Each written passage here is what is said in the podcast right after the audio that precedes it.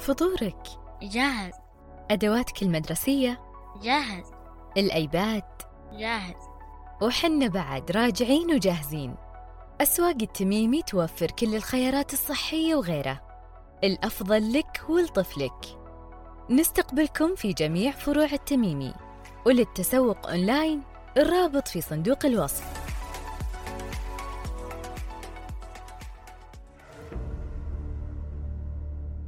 لماذا يتهم من يدعو إلى الاكتفاء أو يتحدث عن الاكتفاء كحل لمشاكل مختلفة بأنه فاشل في علاقاته يغطي فشله بادعاءاته وتنظيره؟ إنه لو حدث توازن في مفهوم العلاقات عندك انحلت جميع أمور حياتك. التغريده بتويتر على حساب ساندويتش ورقي. أغلب الردود كانت تتكلم آه، عن المفهوم من ناحية العلاقات. لو إنه نعيد السؤال ونقول لماذا هو مهم؟ هو مهم لأنه بيساعدنا إن نتوازن بالذات في. موضوع العلاقات. تبغين الجانب المالي تبغين الجانب المهني تبغين الجانب ال- مثلا نجاحاتك الحياتية كلها مبنية على أساس العلاقات. لذلك هذا الجانب جدا مهم ولذلك أنا أضرب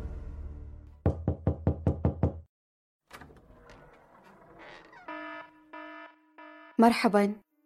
أنا عهد وهذا بودكاست مخرج طوارئ.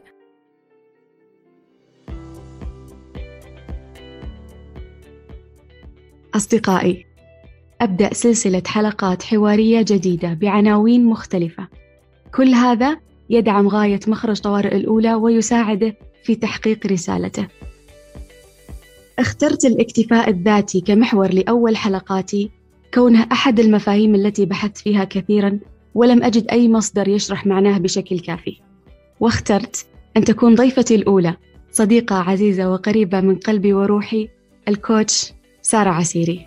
سارة كوتش في بناء الذات ومدربة معتمدة في التنمية الذاتية ومدربة ومطورة في مجال العلاقات الشخصية ومدربة معتمدة للريكي تخصص الحب والأنوثة. أهلا يا سارة. أهلا وسهلا فيك يا العهد يا هلا والله. راح أحكي لكم قصة عادية جدا. بطلتها عادية جدا بكل ما في كلمة عادية من عادية ممكنة. تعيش حياتها بشكل طبيعي لا يوجد حولها أي شيء مميز يوجد جوانب خلل في حياتها هي واعية لها. بطلتنا لا تعيش حياة مثالية ولا تعيش حياة سيئة لدرجة المعاناة أيضا. عندها مشاكل بدأت في البحث عن حلها. أثناء بحثها كان يتردد عليها مفهوم واحد أو صورة واحدة للحل. اكتفي بذاتك. وبقدر راحتها لأنها عرفت موطن الخلل والحل أيضا إلا أن عدم وضوح هذا المفهوم أربكها. مفهوم يعاكس ما تعلمته وشاهدته منذ نشأتها. مفهوم مرتبط بجانب العلاقات في حياتها. جعلها تتساءل هل كوني مكتفية؟ يعني أني لا أحتاج. يعني أني سأكون وحيدة؟ يعني أن لدي الحرية لأبطش مثلا وأقطع أي علاقة دون أن أحسب أي حساب لأي عشرة أو مشاعر موجودة؟ وماذا عن الناس المستقرة في علاقاتها؟ أو نماذج العلاقات المثالية الموجودة حولها؟ الاكتفاء يتنافى مع الارتباط؟ العلاقات تبنى على أساس الاحتياج؟ ماذا عن علاقات العصور الأولى؟ أو نوع اكتفاء الإنسان البدائي الأول الذي كان لا يملك ما نملكه نحن الآن من ماء ومأكل ومشرب ومسكن. كان اكتفاؤه في توفير مقومات حياته التي هي لدينا الآن مسلمات. تجعل مفهومنا للاكتفاء يتطور أكثر. بطلتنا هذه اللي بدينا حلقتنا بقصتها. طرحت أسئلة كثيرة في ذهني وذهن نسبة ليست قليلة منكم مستمعيني الأفاضل. من هذا المنطلق من منطلق عدم اكتمال المفهوم أو عدم وجود تدرج. يوضح لنا مفهوم الاكتفاء الذاتي انطلقنا في حوارنا. هذا الحوار في الحقيقة دار بيني وبين سارة سابقا وكونه ارتبط بمفاهيم أخرى كثيرة قررنا إنتاجه كحلقة وإعادة عرضه بطريقة تبسط بتشعباته. هل الاكتفاء حقيقة؟ هل هو حاجة أم مجرد عبارات رنانة تعكس ألم من يرددها؟ ما هو الاكتفاء أصلا؟ هل هو مفهوم جديد أم قديم؟ والسؤال اللي راح نبدأ فيه يا سارة لماذا يتهم من يدعو إلى الاكتفاء أو يتحدث عن الاكتفاء كحل لمشاكل مختلفة بأنه فاشل في علاقاته يغطي فشله بادعاءاته وتنظيره سؤال قوي جدا يا عهد كبداية السؤال هو يعني ممكن أجاوب على سؤالك بسؤال من الذي وضع أهمية لمفهوم الاكتفاء؟ هذا هو السؤال. من حدد لنا بأن الاكتفاء يعيش وفقه البشر وبدونه لا يكونون هذا هو السؤال. لأن إحنا كلنا نعيش وفق منظومة بشرية متصلة ببعضها البعض. نؤثر ونتأثر على حياة بعضنا. كل فكرة نابعة عن تجربة لشخص مر بها آمن بهذه الفكرة سلم بها ثم نقلت إلينا بطريقة أو بأخرى. من حدد لنا أن الاكتفاء ضرورة؟ اللي اللي أبغى أوضحه إنه لا نجعل تجربة بشرية مقياس لأهمية الأمور في حياتنا. هذه النقطة الأولى. النقطة الثانية من سؤالك آه لها جزئين. هل الاكتفاء بمعنى أني أكون شخص مستقل تماما عن خوض أي تجارب حياتية وفق المنظور البشرية بمعنى أنه ما عندي رغبة بالتواصل والاتصال ولا يهمني وجود أحد ولا حتى أرغب بذلك. أنت هنا خالفت القانون الكوني لأصل الوجود. أما الجزء الآخر وهو الأهم في الإجابة على سؤالك إنه الناتج عن تجربتك اللي أنت مريت فيها وقرار الاكتفاء اللي أنت اتخذته هو نابع عن شعورك بأنه لا أحد يستحق وجودك لا أحد يستحق عطائك أو لا أحد يستحق تواصلك. إذا أنت دخلت في مرحلة الإيجو بعمق أو هل شعورك بالاكتفاء نابع عن تجربة حياتية مررت أنت فيها؟ وعلى إثر هذه التجربة قررت عدم خوض أي علاقة ثانية. وكثير يا عهد نسمع هذه الكلمة إنه خلاص أنا مكتفي بذاتي. أنا ما يهمني وجود البشر. أنا لا مبالي وهذه كلها نابعة عن تجارب مروا فيها. يعني مستحيل شخص إنه يفضل الانفصال عن الوجود البشري مستحيل. تمام؟ فلما يقرر الشخص هذا إنه ينفصل عن الوجود البشري هو قاعد يهرب من مواجهة التجربة اللي مر فيها. قاعد يعني أفضل حل في هذه المرحلة هو الهروب. فالإكتفاء يغنيه ويعطيه أو إنه يغذي الإيجو في داخله آه، للمرحلة اللي مر فيها سواء كانت مرحلة مؤلمة أو تجربة فاشلة أو أيا كانت تجربته. فهذه كلها ما هي إلا كفر خارجي يغطي فيها نفسه مهما كانت تجربته وأعيد وأكررها مهما كانت تجربتك ليس من حقك وضعها وضعها كقياس لنجاح العلاقات وإنك تدعو لها. يعني كثير يا عهد انت شايفة في وسائل التواصل الاجتماعي صارت كثير من الرموز والصور والكتابات كلها تعبر عن إيش؟ إنه اكتفي بنفسك اكتفي بنفسك. فدخلت مرحلة الإيجو بعيدا عن معنى مفهوم الاكتفاء بحقيقته أو بوضعه السليم. لذلك لا نستغرب آه، نشوء علاقات غير سوية وغير سليمة لأنها عبارة عن سيناريو يعيد ويكرر نفسه إذا ما فهمنا هدف هذه التجربة. يعني آه، سارة أفهم من كلامك أنه الاتهام الناس اللي تقول إنه الاكتفاء آه، ما ينادي فيه إلا الناس اللي عندهم مشاكل. في شيء من الصحة.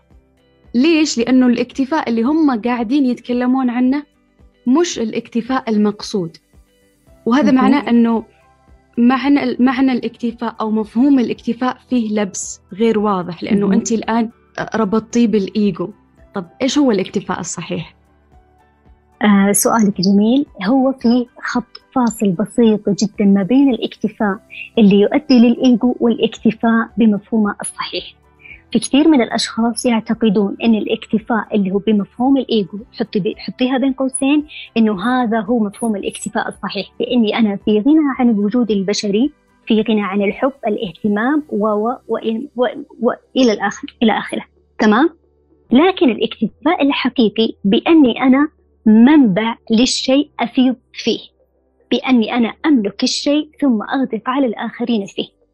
لكن إنه فرق بين الشخص اللي يفتقد أو يفتقر إلى وجود هذه المشاعر اللي يطلبها من الآخرين فلما الآخر ما يمنحها له يبدأ إيش؟ يأخذ موقف إني أنا مكتفي. فهمت شلون يا عهد الفكرة؟ بمعنى إنه متى يدخل في الإيجو؟ يدخل في في الإيجو إذا أنا والله انتظرت من الشخص الآخر إنه يعطيني ويمنحني والشخص الآخر ما أعطاني فبالتالي أنا أعيش في دور الضحيه وأقول أنا مكتفي تماما. أنا جرحت أنا مجروح من فلان أنا تأذيت وتألمت والبشر ما فيهم خير لأن ما أشبع حاجاته. تمام؟ فهذا نابع عن الإيجو. لكن لما أنا أكون شخص مكتفي عندي من الفيض الكثير وعندي من المشاعر وعندي من الحب وعندي من التقدير بحيث إني أفيض على الآخرين فيه فهذا هو معنى الاكتفاء. وجودك يا عهد في حياتي إضافة رائعة جدا لكن خروجك من حياتي ما راح يدمرني. فهذا هو الفيصل. تمام؟ وهذا هو أصل العلاقات. أنا أحب وجودك يا عهد. أحب آه وجودك في يومي. أحب كلامك أحب تقديرك أحب اهتمامك. لكن لما يحدث أي أي حاجة في حياتنا وتخرجين من حياتي هذا الموضوع لا يدمرني. متى يتدمر الشخص لما يكون قيمته وتقديره عند الآخر؟ فتخيلي يا عهد أنه أنا أنت مصدري فقط الوحيد للحب للاهتمام للمشاعر. وفجأة اختفى هذا المصدر. إيش تتوقعين بيصير بحياتي؟ أعتقد ممكن نوع من أنواع الانهيار اللي ممكن يحصل. أكيد. وهذا هو الفيصل الوحيد بين الإيجو بين الاكتفاء بمفهوم الإيجو والاكتفاء بمفهومه الصحيح. والكثير قاعدين ينددون بالإيجو بمعناه آه، عفوا بالاكتفاء بمعناه اللي اللي هو بالإيجو. إيش هو إيش هو الإيجو أساسا؟ إحنا لما نقول إيجو إيجو إيجو الإيجو يعني معناه العام آه، اللي هو مرتبط بالغرور آه، لكن هو له معنى تفصيلي. حسب ما أعرف له معنى تفصيلي وعميق جدا جدا جدا. فإحنا نبغى معنى الإيجو اللي مرتبط بالاكتفاء بما أنه إحنا قاعدين نتكلم عن الاكتفاء يعني ما راح نتوسع في في معنى الإيجو. جميل.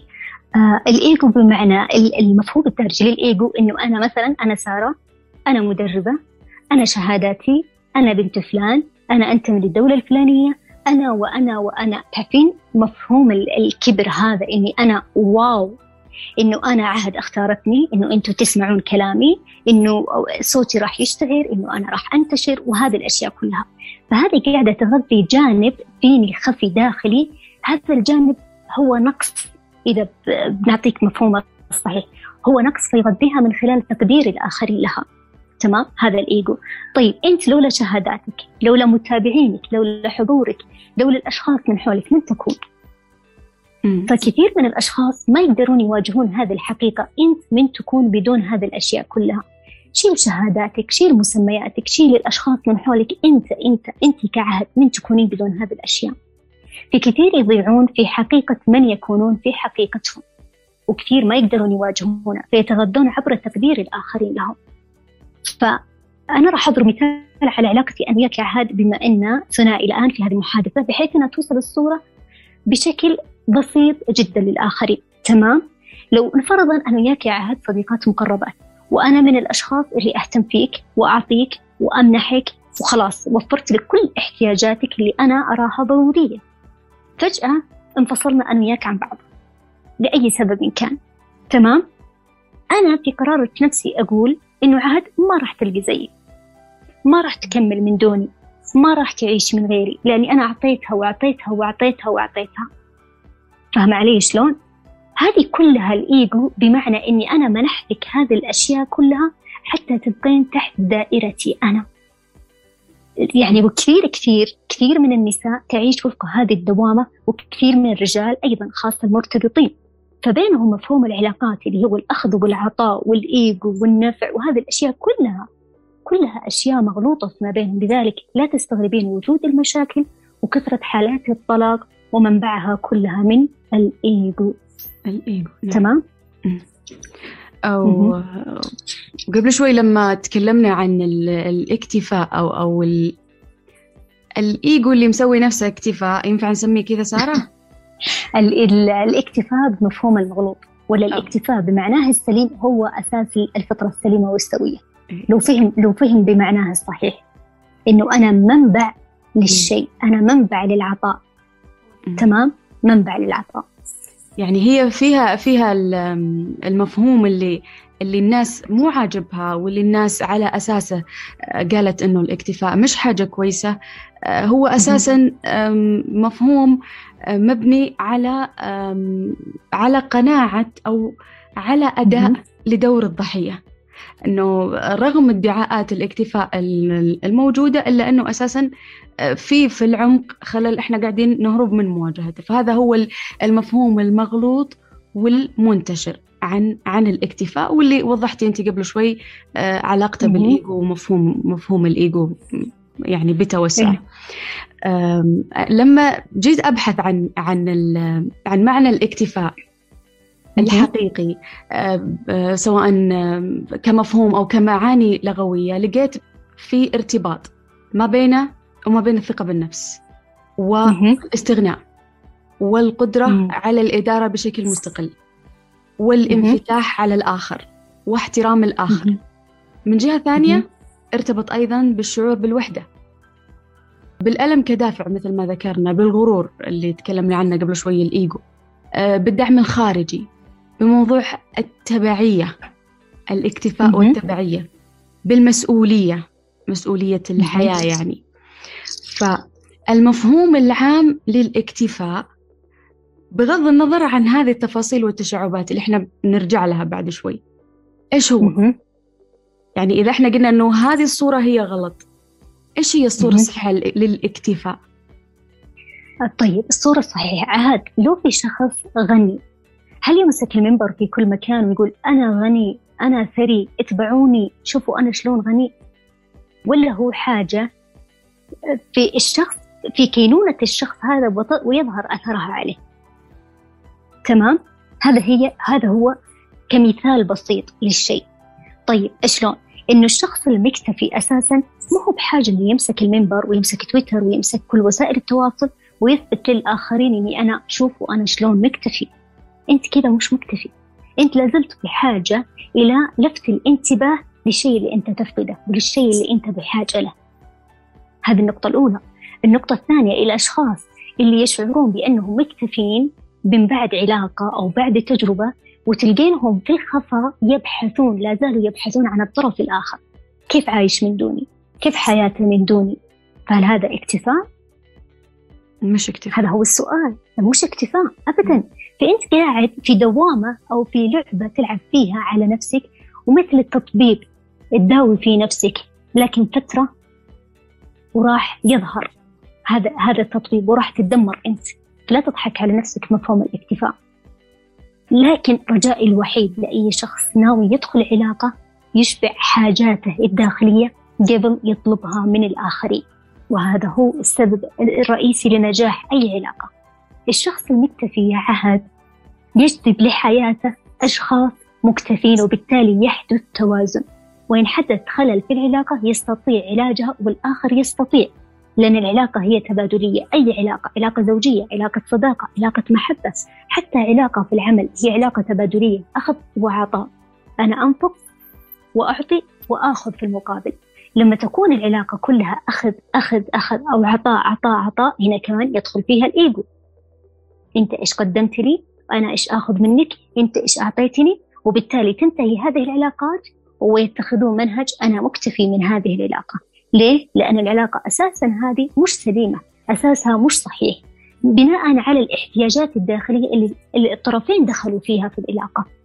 وراح أوضح شغلة ممكن. آه بإذن الله أنها تكون سهلة وواضحة ومفهومة للآخرين. إنه أنا لما أكون شخص مكتفي راح أجذب لحياتي شخص متوافق مع طاقتي أنا للاكتفاء. فنكون مكملين لبعضنا البعض. لكن لو دخلت في علاقة وأنا بحاجة ركزوا أنا بحاجة لحب أنا بحاجة لأني أستقبل الحب بحاجة إلى إنه شخص يهتم فيني بحاجة إلى إنه شخص يعطيني. فأنت استحالة تكمل في هذه العلاقة. ممكن تكون مثل المؤقت لك لكنها راح تنتهي سريعا. لأن الحاجات لا تشترى الحاجات تعاش. فلما أن تكون في حاجة وطلب مستمر من الآخر أنت راح ترسل له الطاقة لا شعورية آه، لا شعوريا ترسل له طاقات لأنك محتاج له وبالتالي يولد نفور في العلاقات فلا تستغرب انتهاء العلاقات ثم نرجع ونردد مبدأ الاكتفاء والاكتفاء والاكتفاء هل هل هذا. معناه أنه ما في أي علاقة ممكن أنها تقوم إلا والشخص مكتفي؟ فيه علاقات تقوم إنه مثلا الطرفين دخلوا في علاقة لكن يفهمون الرسائل اللي تحدث في هذه العلاقة. أي خلل أو أي مشكلة أو أي حاجة تحدث في هذه العلاقة هدفها تطوير هذه العلاقة وبالتالي تنتقل إلى ليفل أو مستوى أعلى. لكن لو حدث خلل معين لنفرض أنه حدث مشكلة معينة آه الاثنين ما عرفوا يتفاهموا مع بعض راح تتفركش هذه العلاقة. هذا النوع الأول. النوع الثاني لو أنا دخلت علاقة مثلا دخلت علاقة رغبة في حب لنفرض. الشخص هذا أشبع عندي هذه الحاجة أشبع هذه الحاجة بالتالي انتهت رسالة هذا الشخص ونغادر حياة بعض.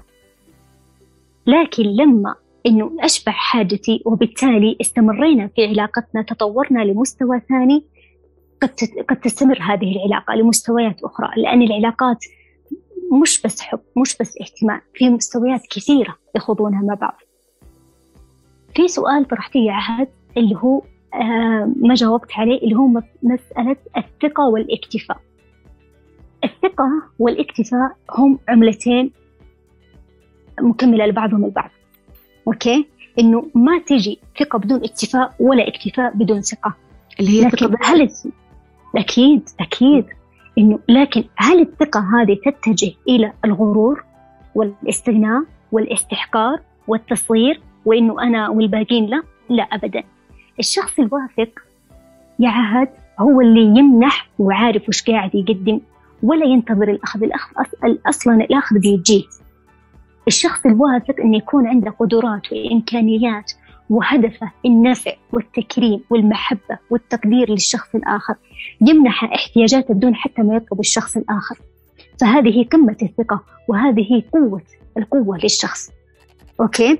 الشخص هذا يا عهد آه اللي دائما يمنح الآخرين بدون حتى ما يطلبونه ولا هدف الأخذ. إنه أنا الآن قدمت لك يا عهد محبة قدمت لك اهتمام وفي انتظار كيف تردينها لي هذه مش علاقة سوية.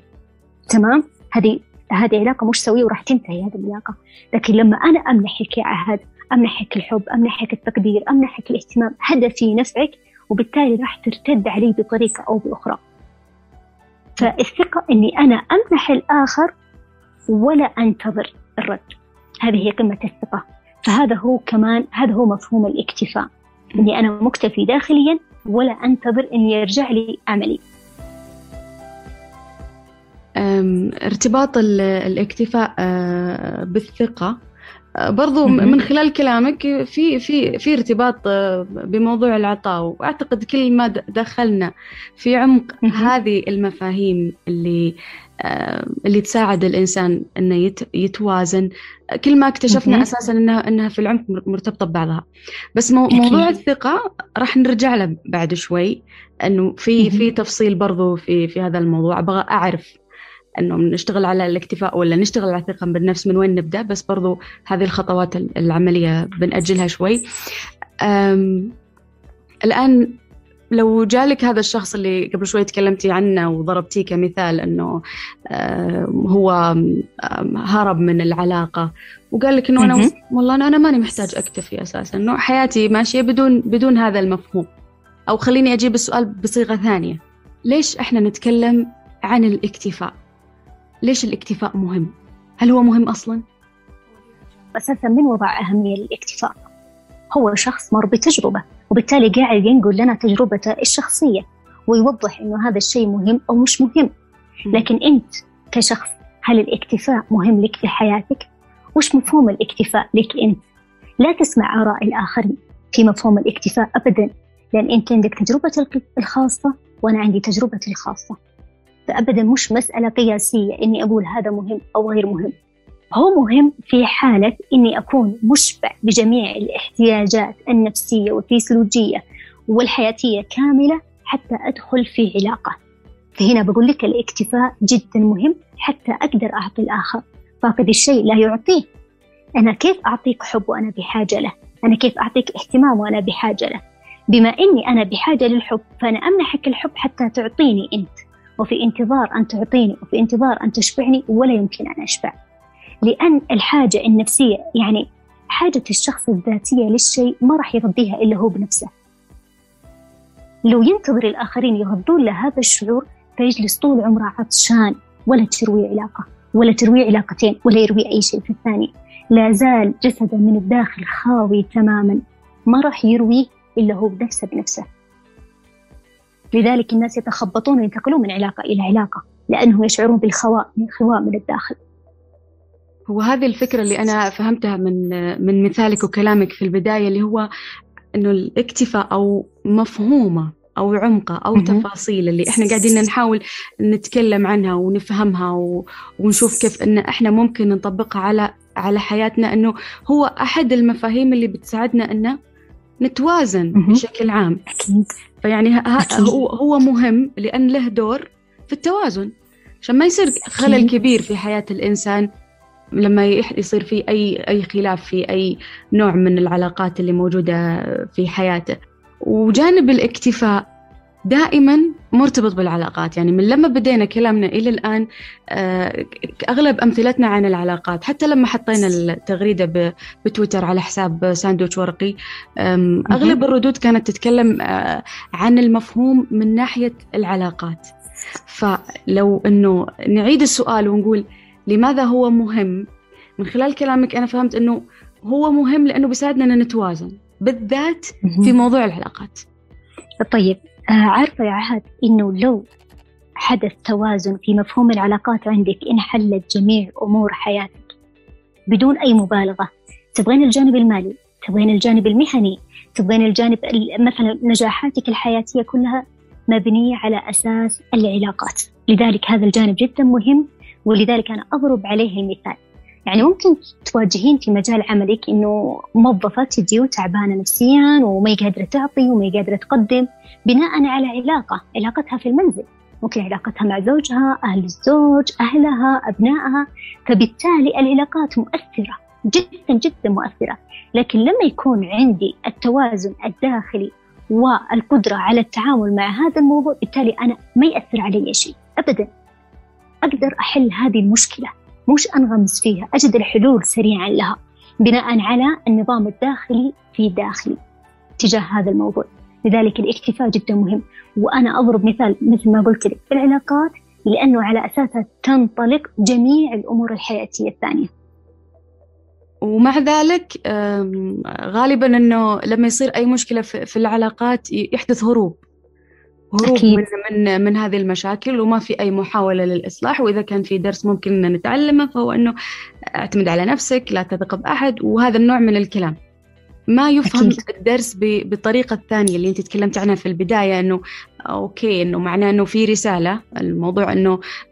كان في حاجة تم إشباعها أه، لازم يكون المصدر داخلي نعيد النظر في في مفهوم ال- ال- العطاء في في العلاقات إنه الفكرة بشكل عام هي.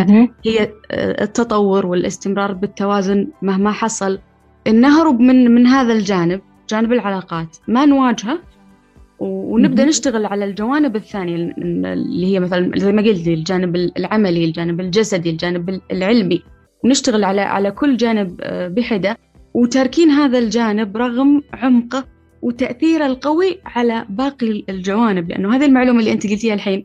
معلومة. مش سهلة مش سهلة. إنه يا جماعة ضبطوا جانب العلاقات ترى الباقي كله بيتضبط بسهولة انه أكيد. الغالب يصير العكس لأنه بكل صراحة موضوع ال- العلاقات أو جانب العلاقات الاجتماعية من أعقد الجوانب في حياتنا مهم. البشرية. كثير يعهد إنه بالمناسبة إنه كثير من الأشخاص يهربون لأعمالهم وينغمسون في أعمالهم هروب من العلاقات اللي هم عايشين فيها. وكثير من الأشخاص يهربون مثلا الأصدقاء للاستراحات للسفر للأهل وغيرها هروب من العلاقة الزوجية اللي هم عايشين فيها. فمبدأ الهروب هذا اللي مش قادر يواجه هذه المشكلة مش قادر يتخذ خطوة أساسية وهو نابع عن خوف للمواجهة.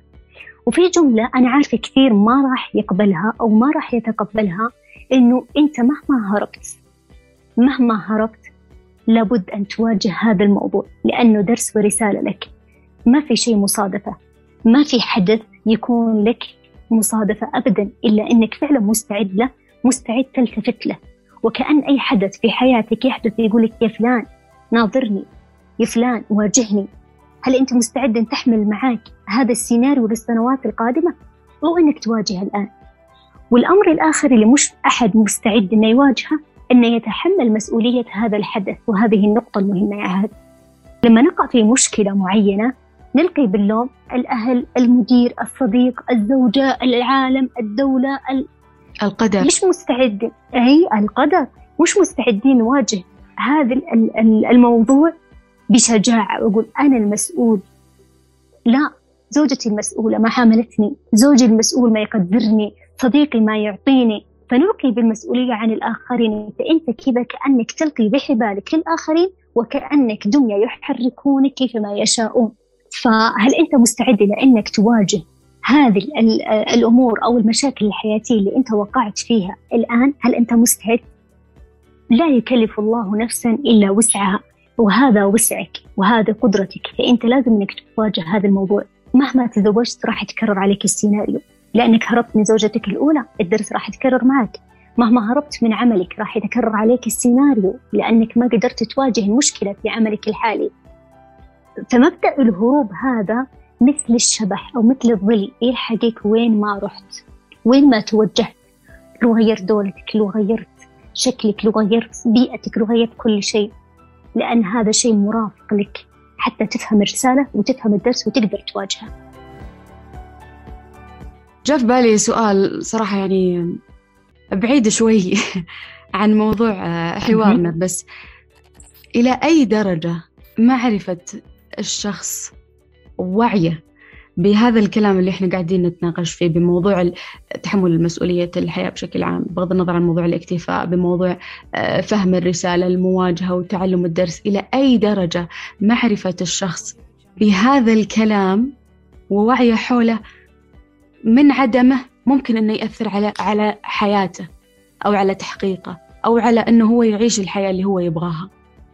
هل هو ضروري أنه يسمع مثل هذا النوع من الكلام أو يقرأ فيه؟ والناس اللي اللي وصلت سارة الناس اللي حققت هل هي واعية بشكل. تلقائي؟ فهمت الرسالة بشكل تلقائي؟ إيش رأيك؟ أعجبتني كلمة الوعي بالموضوع لأنه المعرفة إنه شخص يدعي معرفة كل شيء هذا شخص ما يملك وعي. يعني هذا من منظوري الشخصي. لأنه إحنا لا نزال نتعلم ونتطور وهذا أساس وجودنا وبقائنا على هذه الدنيا. فلما شخص يعتقد إنه عرف كل شيء وفهم كل شيء في الحياة فأنت للأسف لسه ما فهمت شيء. أوكي؟ أو فهمت لكن جزء لا يكاد يذكر من المعرفة.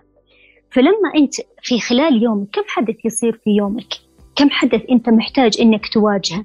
في أحداث نوقف عندها وفي أحداث تقعد واقفين عالقين فيها شهور ربما سنوات. طيب هل أنت مستعد إنك تبقى عالق في هذه النقطة أو إنك تنطلق؟ هذا الحدث أو هذه العقبة أو هذا الدروب اللي حدث في حياتك إيش هدفه وإيش رسالته؟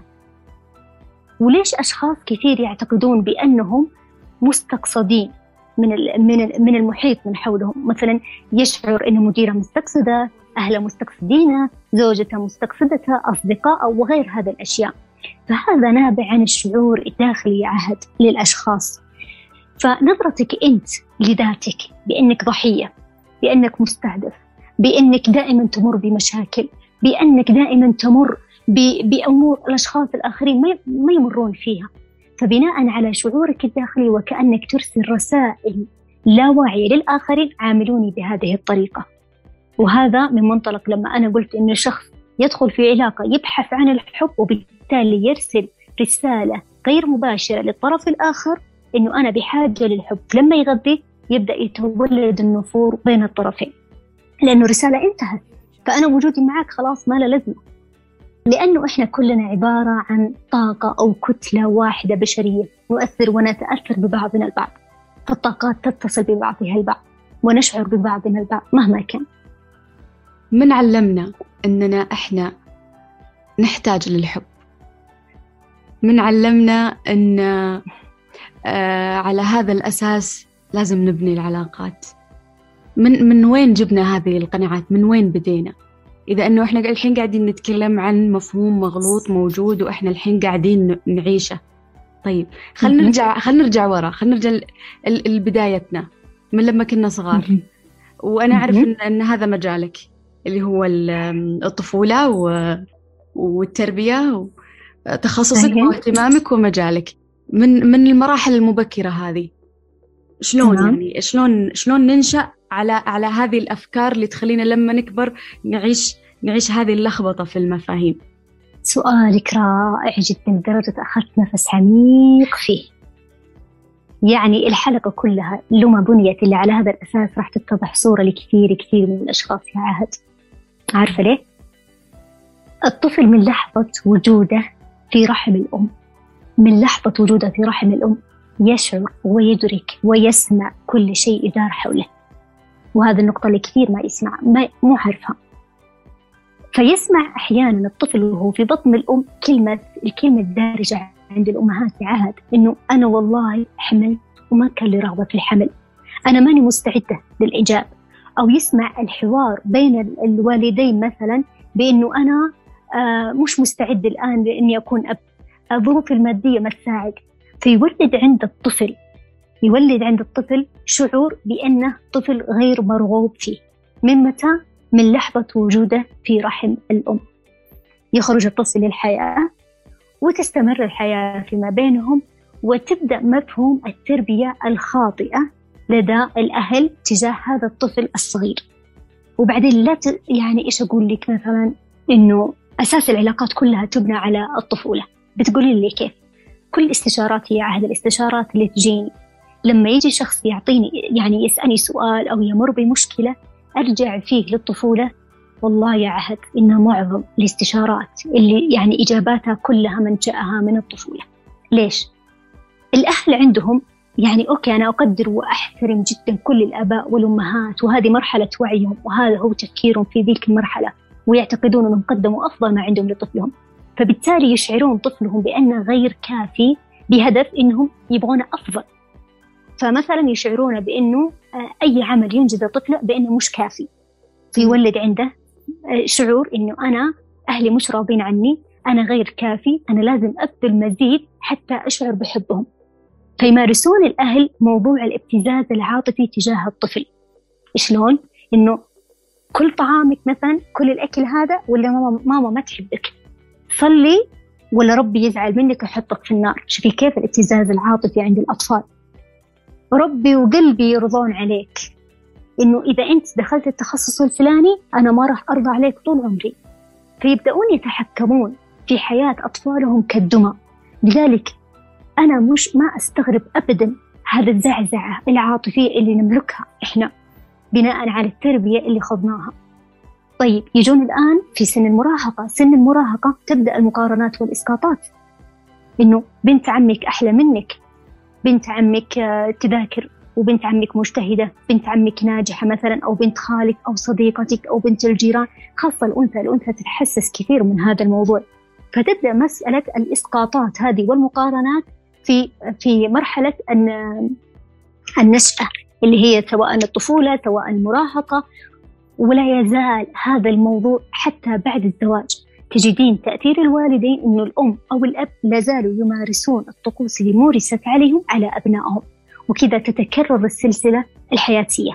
طيب ال- الموضوع الثاني اللي هو آه، أنه منشأ الحب والسؤالك الرائع اللي أنت سألتيه طبعا هذه كلها عبارة عن شراكة. إحنا تكلمنا عن العائلة البيئة لها دور الأصدقاء لهم دور المدرسة المجتمع. كل هذه الأمور هي من تشكل هذا الشخص.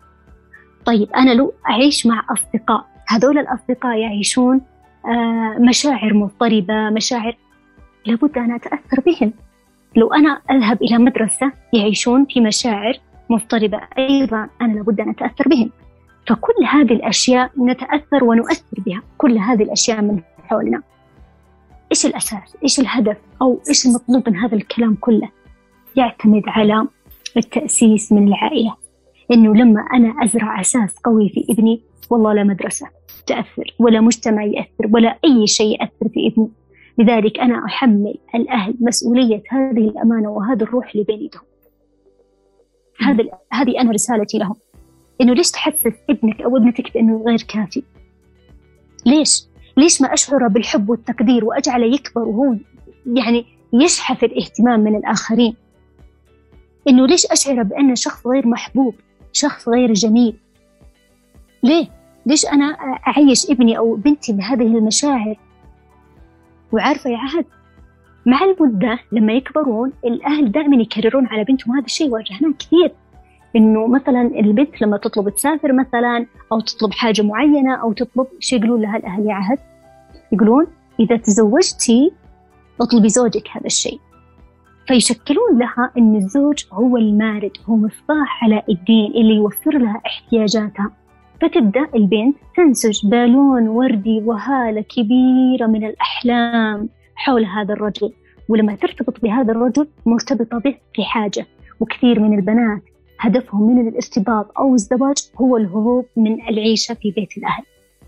فتقع في دائرة وينفجر البالون الوردي هذا ويتحول إلى بالون رمادي أو رصاصي أو أسود أو أيا كان. فتصدع وبالتالي يحدث عندها كبت في هذا الشعور ونفور من هذا الشخص. لأن ما حقق لها أحلامها اللي زرعت لها. وعلى العكس الذكر أيضا يعهد يعني ما نبغى نظلم حق الذكور في هذا الموضوع. الذكر أيضا يعيش في مبدأ يعني بقولها لك بأمانة الذكر عندنا في الشرق الأوسط مدلل.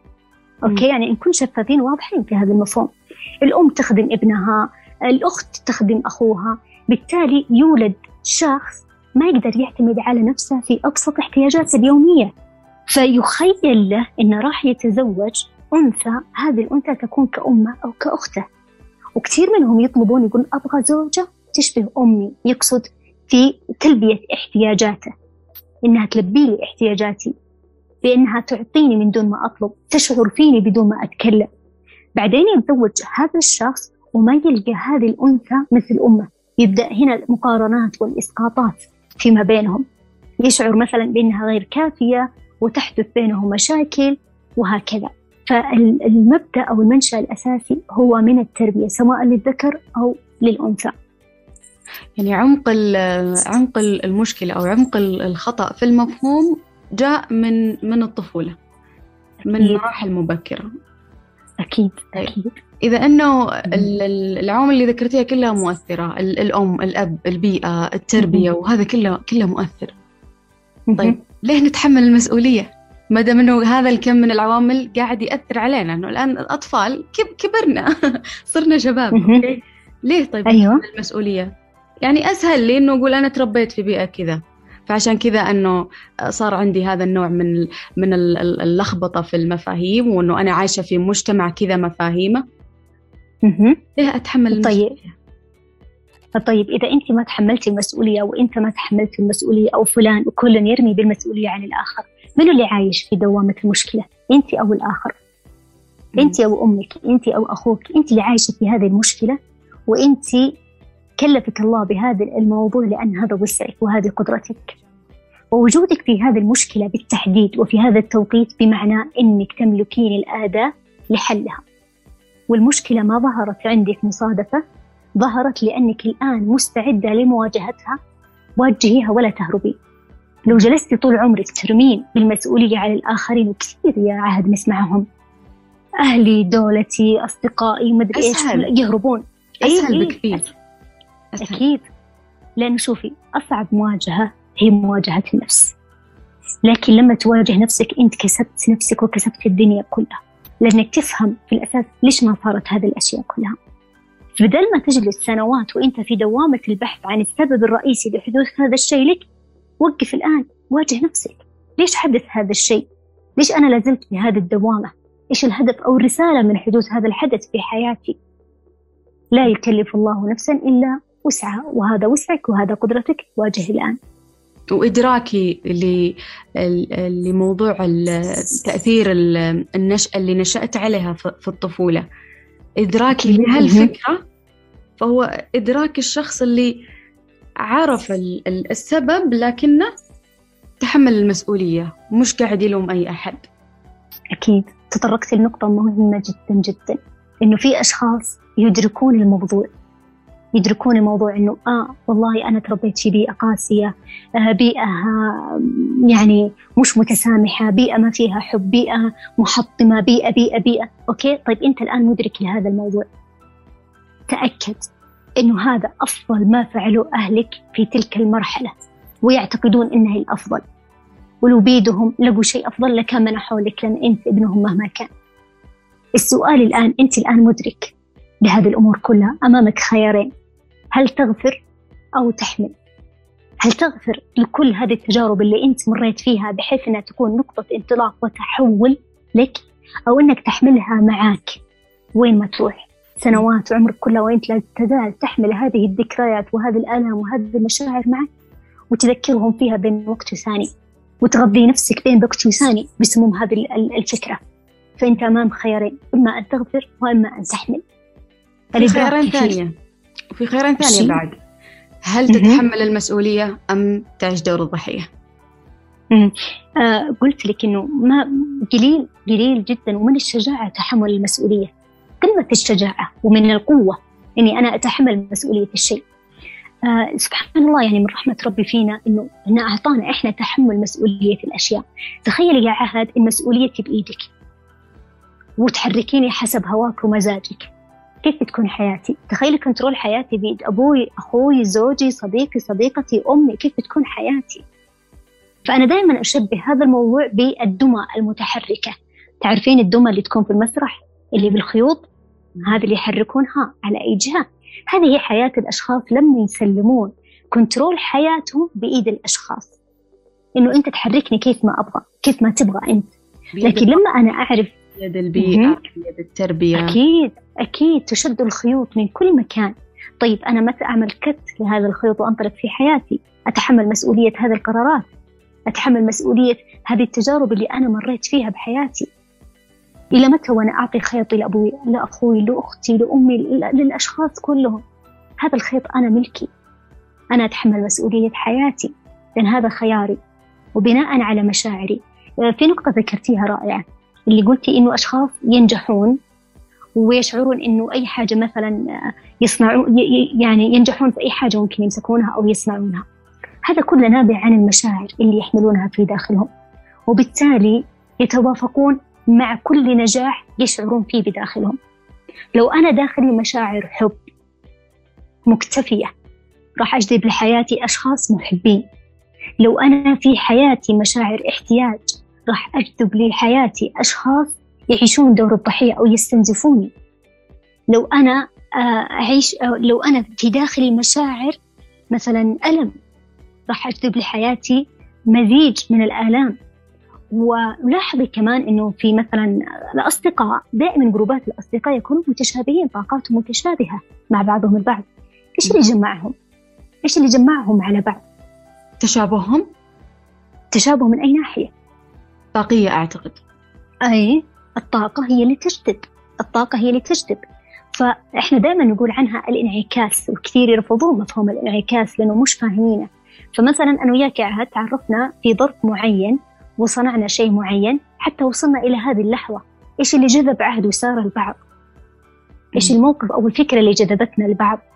ويمكن دار بيننا حوار ولقينا بيننا تشابه كثير كثير يا عهد. يعني ممكن أنت من الأشخاص الإلكترونيين القريبين جدا لروحي. دليل إن في طاقات متوافقة صنعت وجودك في عالمي إنه ما في شيء مصادفة. وقيسي عليها كل شيء بحياتك كل شخص هو انعكاس للطرف الآخر في حياته.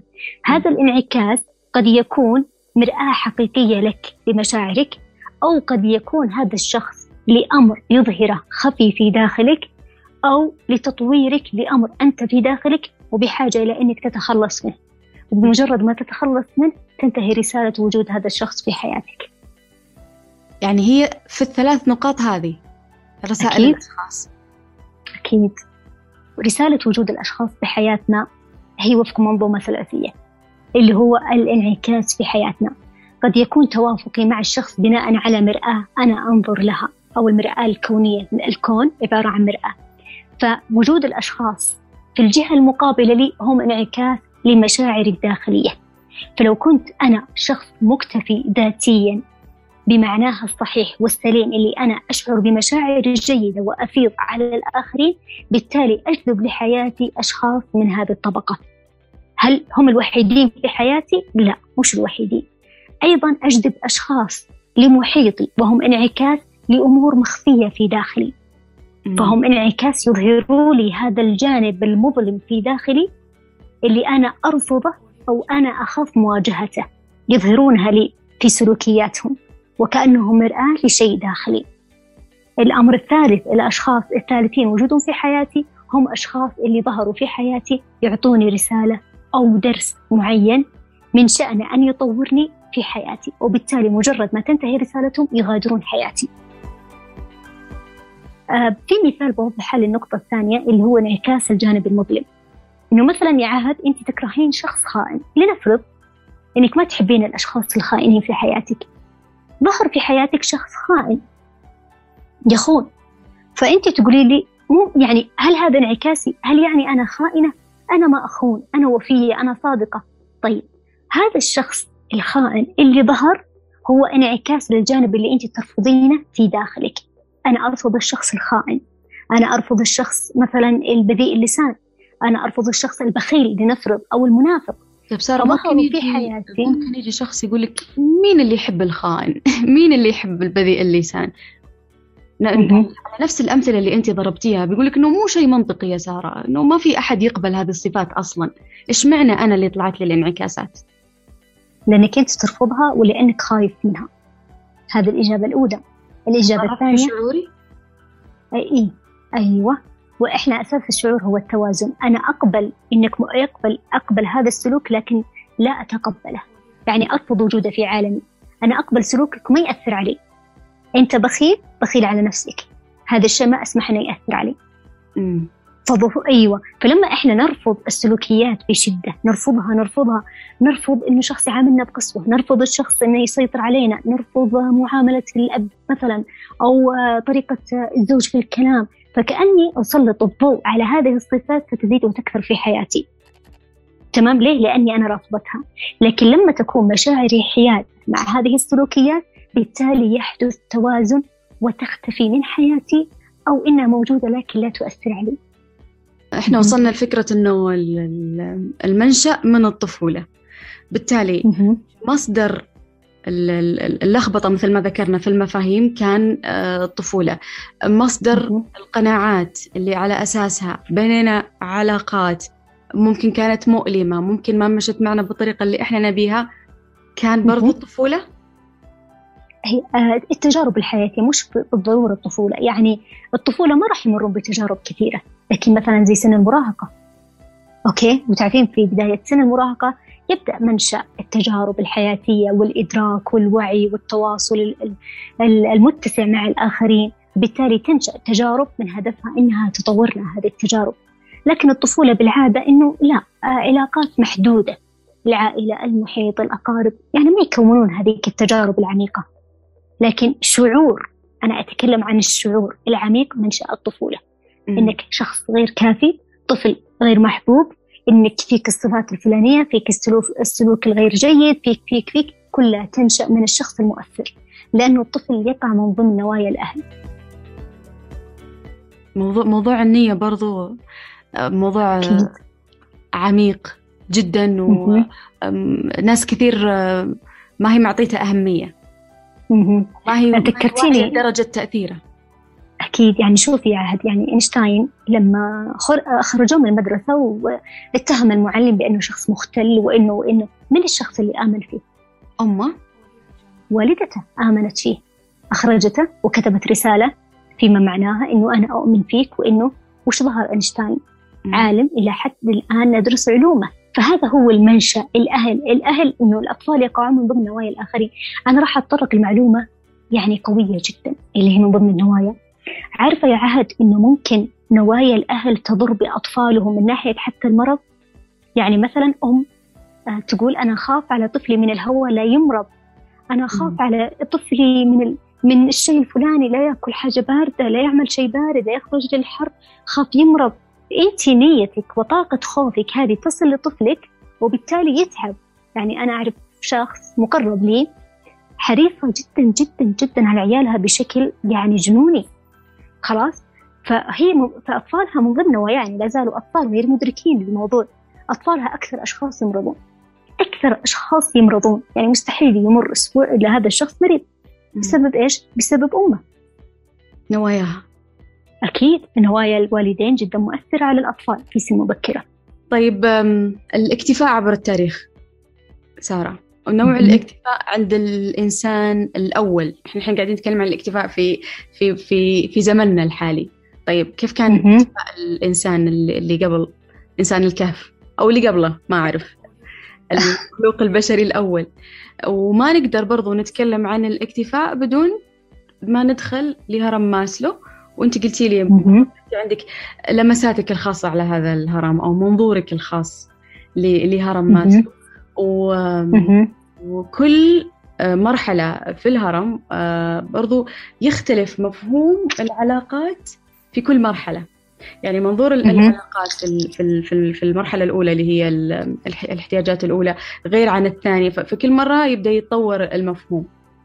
آه، صحيح. أعرف التدرج عبر التاريخ لمفهوم آه، طيب. الاكتفاء طيب اولا إنه الشخص البداية أو الشخص الكهف صاحب الكهف مثل ما نقول احتياجاته مختلفة عن الشخص في الوضع الحالي احتياجاتنا إحنا البشرية قبل عشر سنوات هل تشبه احتياجاتنا الحالية؟ طيب قبل سنة من الآن تشبه احتياجاتنا الحالية؟ فكيف من عصر الشخص البدائي الشخص البدائي كان كل همه شلون يوفر وجبته في هذه اللحظة وممكن كان حتى عنده وجبة واحدة يعني طعام ماء فقط. هذه احتياجاته. فصعب جدا إني أقارن احتياجاتي باحتياجات قبل سنتين ثلاث عشر سنوات. هذه مقارنة مش صحيحة. أنا مرجعتك ما أدري كم سنة ورا من عمر الأرض. عمر الديناصورات. جيبي لي جيبي لي اكتفاء لسنة الأول مو سنتين. اي ذكرتيني يا عهد بالمقارنات اللي يسقطونها الأهالي. مثلا يقولون لأولادهم لما كنت في عمرك كنت ما أطلب وكنت أحتاج وكنت أعمل وكنت أسوي. لا معلش احتياجات الأهل غير احتياجات الأبناء حاليا. احتياجات أبنائك أنت غير احتياجاتنا. لازم أن يكون عندنا هذا الأساس أنه لا تسقط تجاربك على الآخرين. وتعتقد أنها هي التجربة الصحيحة والتجربة الوحيدة. تطورت الأجيال وتطورت وكل تطور يحدث في حقبة أو جيل تتطور مع الاحتياجات البشرية تمام؟ إنه هل كان في ضوء؟ هل كان في آه مثلا البترول الآن؟ هل كان في آه إنترنت؟ هل كان في شبكات؟ هل كم؟ لا. بحسب الاحتياج الحالي تتطور الحالة. فصعب جدا إني أقارن الاحتياجات السابقة بالاحتياجات الحالية. هذه النقطة الأولى. النقطة الثانية اللي هي هرم ماسلو. تمام؟ ونفس الشيء أسقط على هرم ماسلو. آه، ماسلو عام كم تقريبا؟ عام 1900 وشيء يعني تقريبا ولادة 1908 إذا ما كان أخطأت في تاريخه. فتصوري يا عهد أني أنا أسقط احتياجات الإنسان على هذا الهرم. وأعتقد بأن أنه خلاص فلسفة ماسلو هي مقياس للحاجات البشرية. آه، لمعلوميتك أنا ضد أي سلم أي سلم في حتى في التنمية البشرية أنا ضد هذا السلم. تمام؟ لأن الناس أخذوا مقياس أساسي ويعيشون وفقه. يعني هذه نظريتي الخاصة. مش بالضرورة تكون صح أو خطأ. فيسقطون عليه بقية حياتهم. ماسلو اجتهد في وضع الفرضيات أو الأشياء الأساسية في الهرم. وقسم الهرم إلى من القاعدة حتى الأعلى للاحتياجات الأساسية للبشر. وأنا ما عندي مشكلة في موضوعه بالعكس إنه أجاد في هذا الشيء. إنه مثلا قاعدة الهرم آه تكلم عن الاحتياجات الفسيولوجية للبشر.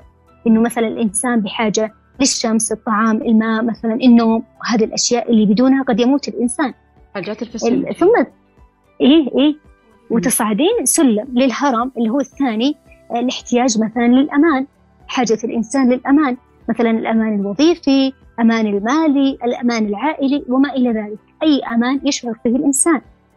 صعد للطبقة الثالثة من الهرم وقال إنه الحاجات الاحتياجات الاجتماعية سواء صداقة علاقات أسرية آه، علاقات عاطفية أيا كانت. صعد للهرم الرابع وتكلم عن الحاجة إلى التقدير اللي هو ونابع منها تقدير الذات آه اللي هو النفس أو إنجازات الشخص شعوره بالتقدير لإنجازاته وغيرها. رأس الهرم وتكلم عن تحقيق الذات. تحقيق الذات وصنفها إلى الصنفين مثلا اللي هو مثلا أو ثلاثة مش فاكرة بالضبط لكنه قال إنه مثلا إنه طريقة حل المشاكل أو إنه شلون نتقبل الحقائق في حياتنا. طيب كل هذه تمام ما عندي أي مشكلة وهذه حاجات كلنا بحاجة لها في هذه الحياة. أنا عندي إشكالية في الترتيب الهرمي اللي ذكره ماسلو شلون؟ يعني مثلا يقول لك ماسلو إنه الحاجات الفسيولوجية الأساسية للبشر لا تقوم عليها. يعني مثلا إذا ما كانت موجودة عندك أنت ما راح تنتقل للطبقة الثانية اللي هي طبقة الأمان. مثلا الآن يقول إنه إذا إذا أنت ما تشعر بتوازن ما تقدر تشعر بأمان وظيفي فوضعها مقياس وهذا أنا اختلافي. هل يعقل إنه شخص ما يشعر بأمان وظيفي لأنه لا يشعر بتوازن في بقية حياته؟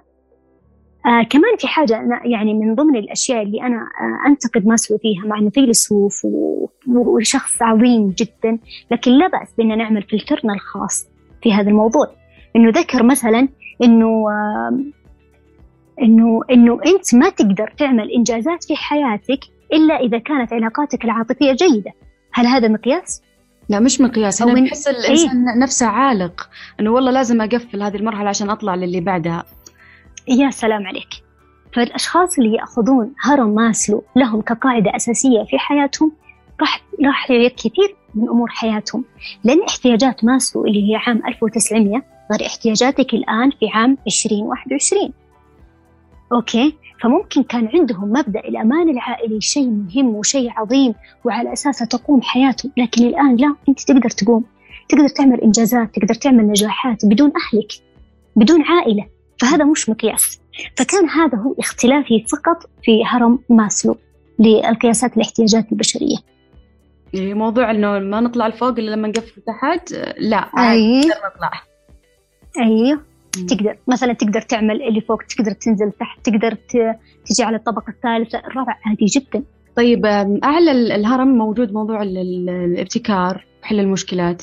الحاجة؟ أعلى الهرم اللي هو تقبل أيوه حل المشكلات وتقبل الحقائق. هذه هي أعلى آه اللي هي تحقيق الذات. والابتكار من ضمنها؟ ما أعرف. لا الابتكار اللي هي من ضمن الإنجازات اللي في حاجات للتقدير. أيوه أنا أبغى أعرف المسؤولية آه، يعني وينها بالترتيب؟ لما تكون المسؤولية فوق هذا بيكون شيء صعب. هي من الصفات اللي تساعد الشخص إنه يوصل لمرحلة أو يحقق معنى الاكتفاء.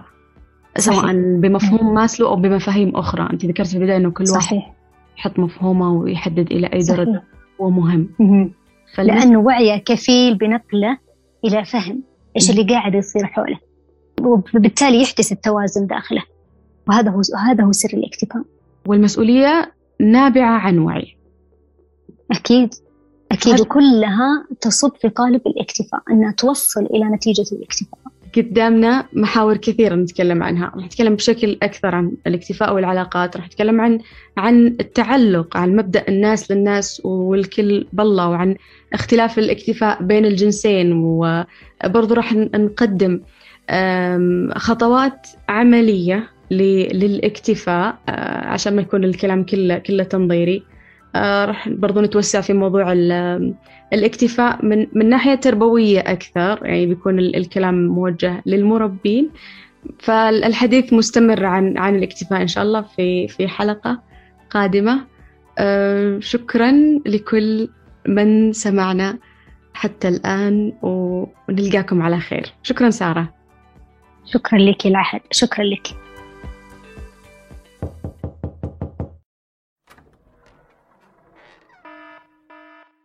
مرحبا أنا عهد وهذا بودكاست مخرج طوارئ.